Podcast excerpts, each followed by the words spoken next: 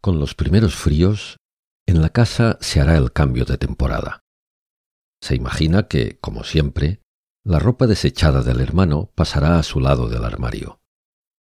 Sus padres le han dicho que ahora se cumple el primer aniversario, pero no parece que eso signifique fiesta ni pasteles.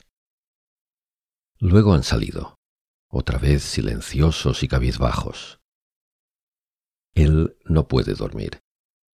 Teme que papá y mamá regresen con aquella caja blanca, que a esas alturas ya se le habrá quedado pequeña a su hermano.